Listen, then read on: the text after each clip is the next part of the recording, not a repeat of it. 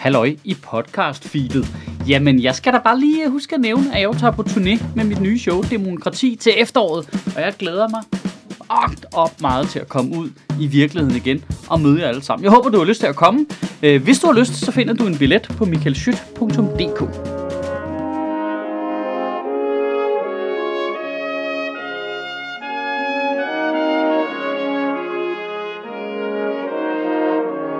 Goddag. Vi danskere, vi har et lidt romantisk forhold til vores eget arbejdsmarked. Er det ikke fair at sige? Det tror jeg, det er. Jamen, den danske model, ikke? Jamen, det er bare, det er bare så hyggeligt med den danske. Det er sådan løn og småkager og sådan. Den danske model, det har sådan lidt en Helena Christensen-vibe. Den er så smuk og åh, ikonisk, og der er ikke nogen, der har set den i virkeligheden godt nok. Altså, ej, og vi kan ikke lide firmaer fra andre lande, der kommer her med deres totalt uddanske metoder, er onde og kapitalistiske, og vi vil simpelthen ikke have det inde i vores land. Puha, nej. Men hvis vi skal kigge hinanden i øjnene, så er det også den mest middelklasseagtige holdning, du går støve op. Altså undskyld, har du nogensinde arbejdet i Netto eller hvad? Ej, det, altså, det er ikke så hyggeligt, siger jeg bare. Altså, det er altså et arbejde for fucking voksne mennesker, der primært bliver lavet af børn. Ah, altså, jeg kan huske, da Netto kom og bare skrællede alt det der hyggelige af at have butik og supermarked. Altså, nu, nu når du træder i Netto, så er du jo selv lagermedarbejder lige pludselig. Altså, hvor fuck er min pension henne, altså? Og så, det var som om, det var som Netto, de tænkte, hvor du hvad, nu skal vi kræfte at vise folk, hvor skummelt det vi kan drive en butik. Og så kom alle de bare, øh, hold lige min øl, øh, et mærke, du øvrigt ikke har set før. Og nu er det sådan nemlig.com, der leverer dagligvarer til folks hoveddør, som er de nye skurke, som er under end alle de andre åbenbart. Øhm, og jeg vil sige helt generelt, du kan altid få mig med på sådan en god forarvelseshistorie over dårlige arbejdsforhold. Jeg er der lige med det samme. Jeg hader sådan noget. Du kan sagtens få mig med. Altså de der historier, som vi har læst i medierne omkring, at øh, du på deres lager, så går folk rundt med sådan en headset og sådan en robotstemme, der siger til dem, hvor de skal gå hen og hente en vare. Og du ved, hvis ikke deres effektivitet er god nok, så måler robotten det og laver deres navn rødt op på en stor skærm, så alle kan se det, og der folk de føler sig så presset, at de ikke kan gå ud og tisse. Øh, altså det er helt skrækkeligt, og så er det der totalt latterligt med, at de fleste af dem, der arbejder, der er folk med anden etnisk baggrund end dansk, og mange af dem er migranter, der giver nogle rigtig dårlige associationer til, at den store hvide mands robotmaskine bare svinger den digitale pisk over slaverne. Ikke? Men, og, og, og men, der er lige et super duper vigtigt men. Og det er jo, at nemlig.coms øh, lagermedarbejdere har en overenskomst med 3F. Det er bare, lige, det er bare super duper vigtigt, at vi lige har det med. Altså, vores fagforeninger har kigget på det og sagt, det er fint. Det der pick by voice system, som de kører med, det bruger de også øh, på Nettos lager og på Jysks lager og på, sikkert på alle mulige andre øh, arbejdspladser rundt omkring i landet. Og det har fagforeningerne, det er altså øh, fint med. Det har man godkendt i mange år, så det, det er bare sådan, vi skal bare lige huske, du ved, man skal lige ret farvelsen som det rigtige sted hen på en eller anden måde. Ikke? De, det, det, vi skal bare lige være sikre på, at den rammer bare lige en lille detalje også. En, øh, en, en lagermedarbejder hos nemlig.com, der arbejder 37 timer om ugen, øh, dagvagt, der tjener 29.000 kroner om måneden. Hvis de arbejder i weekenden og laver overarbejde, så kan de tjene op til 42.000 kroner om måneden. Ja, hvor fuck er mit headset henne, altså? Der var den rigtige konflikt der. Den er øh, et rigtig kedeligt sted, og teknisk og mere avanceret sted, og en, der er sværere at kommunikere i pressen, hvilket gjorde, at 3F lidt fejl tog og smed alle de der lagermedarbejdere direkte ind under bussen, selvom de havde en overenskomst med dem. Øh, fordi det er nemmere at kommunikere noget med folk, der ikke tager ud og tisse. Selvom de havde godkendt det. Det må de selv om. Pointen er i hvert fald, at den rigtige konflikt er, at nemlig.com ansætter deres chauffører som det, der hedder underleverandører, soloselvstændige. Det vil sige, faktisk alle de chauffører, der kører for Nemlig, de er ikke ansat af Nemlig. Det er i princippet den soloselvstændige chauffør, der har tilbudt sin service til Nemlig, som de så køber og betaler en faktura for. Og derfor så er det en handel mellem to firmaer og ikke en ansat person, hvilket jo frigør nemlig der kommer for en masse forpligtelser som pensioner, sygedagpenge og alt muligt gøjl, og hvis de falder ned af trapperne og brækker benet, så er det ikke deres problem.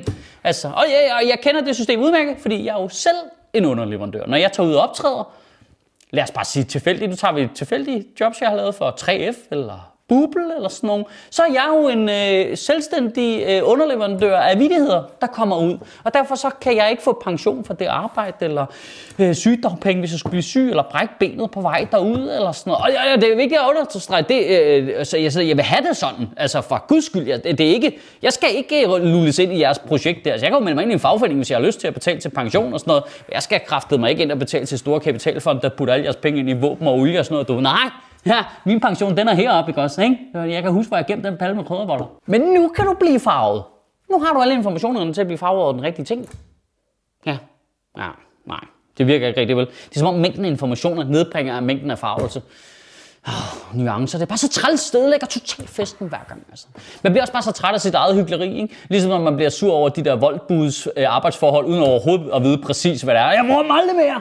Nu går jeg fra nu af, går jeg selv ned og henter min dyrum, nederst min shawarma-mand, som arbejder 15 timer om dagen, hver dag, hele ugen, hele året rundt, og som Sharif han har sikkert en strålende overenskomst med pizza lavet eller noget. Men det hele er selvfølgelig arbejdsmarkedspolitik, og derfor fuldstændig perfekt til noget socialdemokratisk identitetspolitik, som øh, regeringens Peter Hummelgaard selvfølgelig hoppede på lige med det samme med sit vidunderlige citat øh, til et øh, interview i Politiken, hvor han siger, problemet er, den absolut øvre middelklasse, der måske bor på Østerbro, som får leveret varer, som de betaler 9 kroner for i fragt.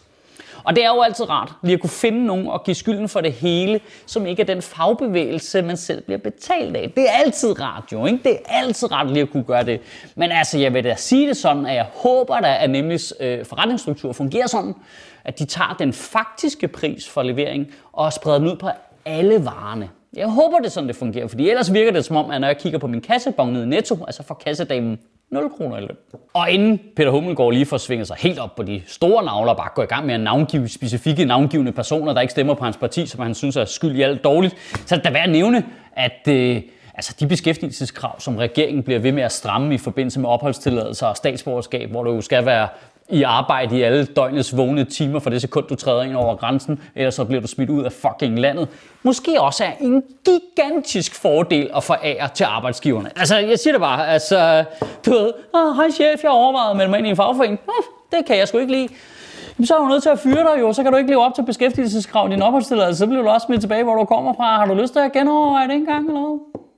Eller endnu bedre, eller endnu bedre. Hej chef, øh, jeg har meldt mig ind i en fagforening. Åh, ja, så er jeg sgu nok lige nødt til at fyre dig, og så er der jo ikke nok i arbejde i din boligblok. Så kommer der en bulldozer og fucking river dit hjem ned, ikke som om du boede i Ramallah, dit fucking taber. Det er jo ikke raketvidenskab, at hvis du går i gang med at undergrave en specifik gruppe borgers rettigheder, så forplanter det sig selvfølgelig også ud på arbejdsmarkedet. Det siger sig selv, altså.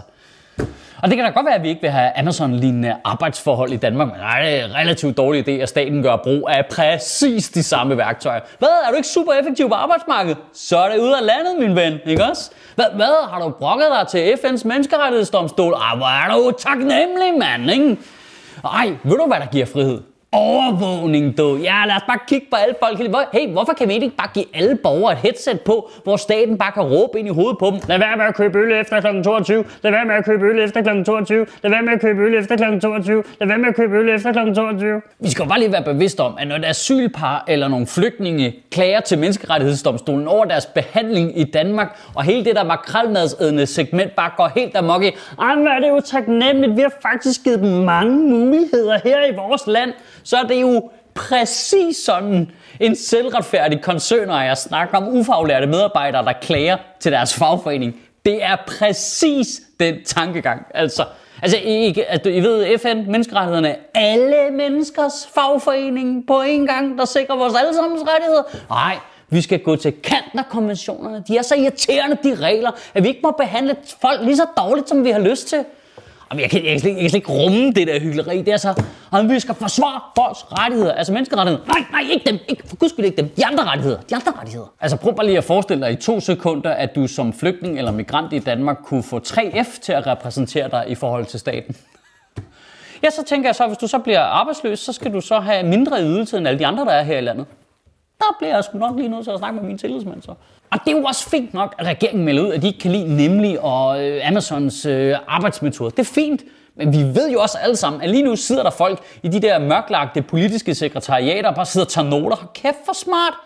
underleverandør. Det er genialt. Kan vi ikke bare sige, at alle indvandrere er en form for underleverandørsdanskere? Så har de ikke nogen rettigheder. Ja, okay. Det fik jeg lidt dårligt at sige højt. Det var egentlig ment som en joke, men det er jo, det er jo præcis det, der foregår. Kan du have en rigtig god uge og bevare min bare røv. Som en, der er ansat primært af mig selv, så synes jeg, du skal købe en billet til mit nye show, der kommer landet rundt til efteråret, fordi ellers så bliver min chef rigtig sur.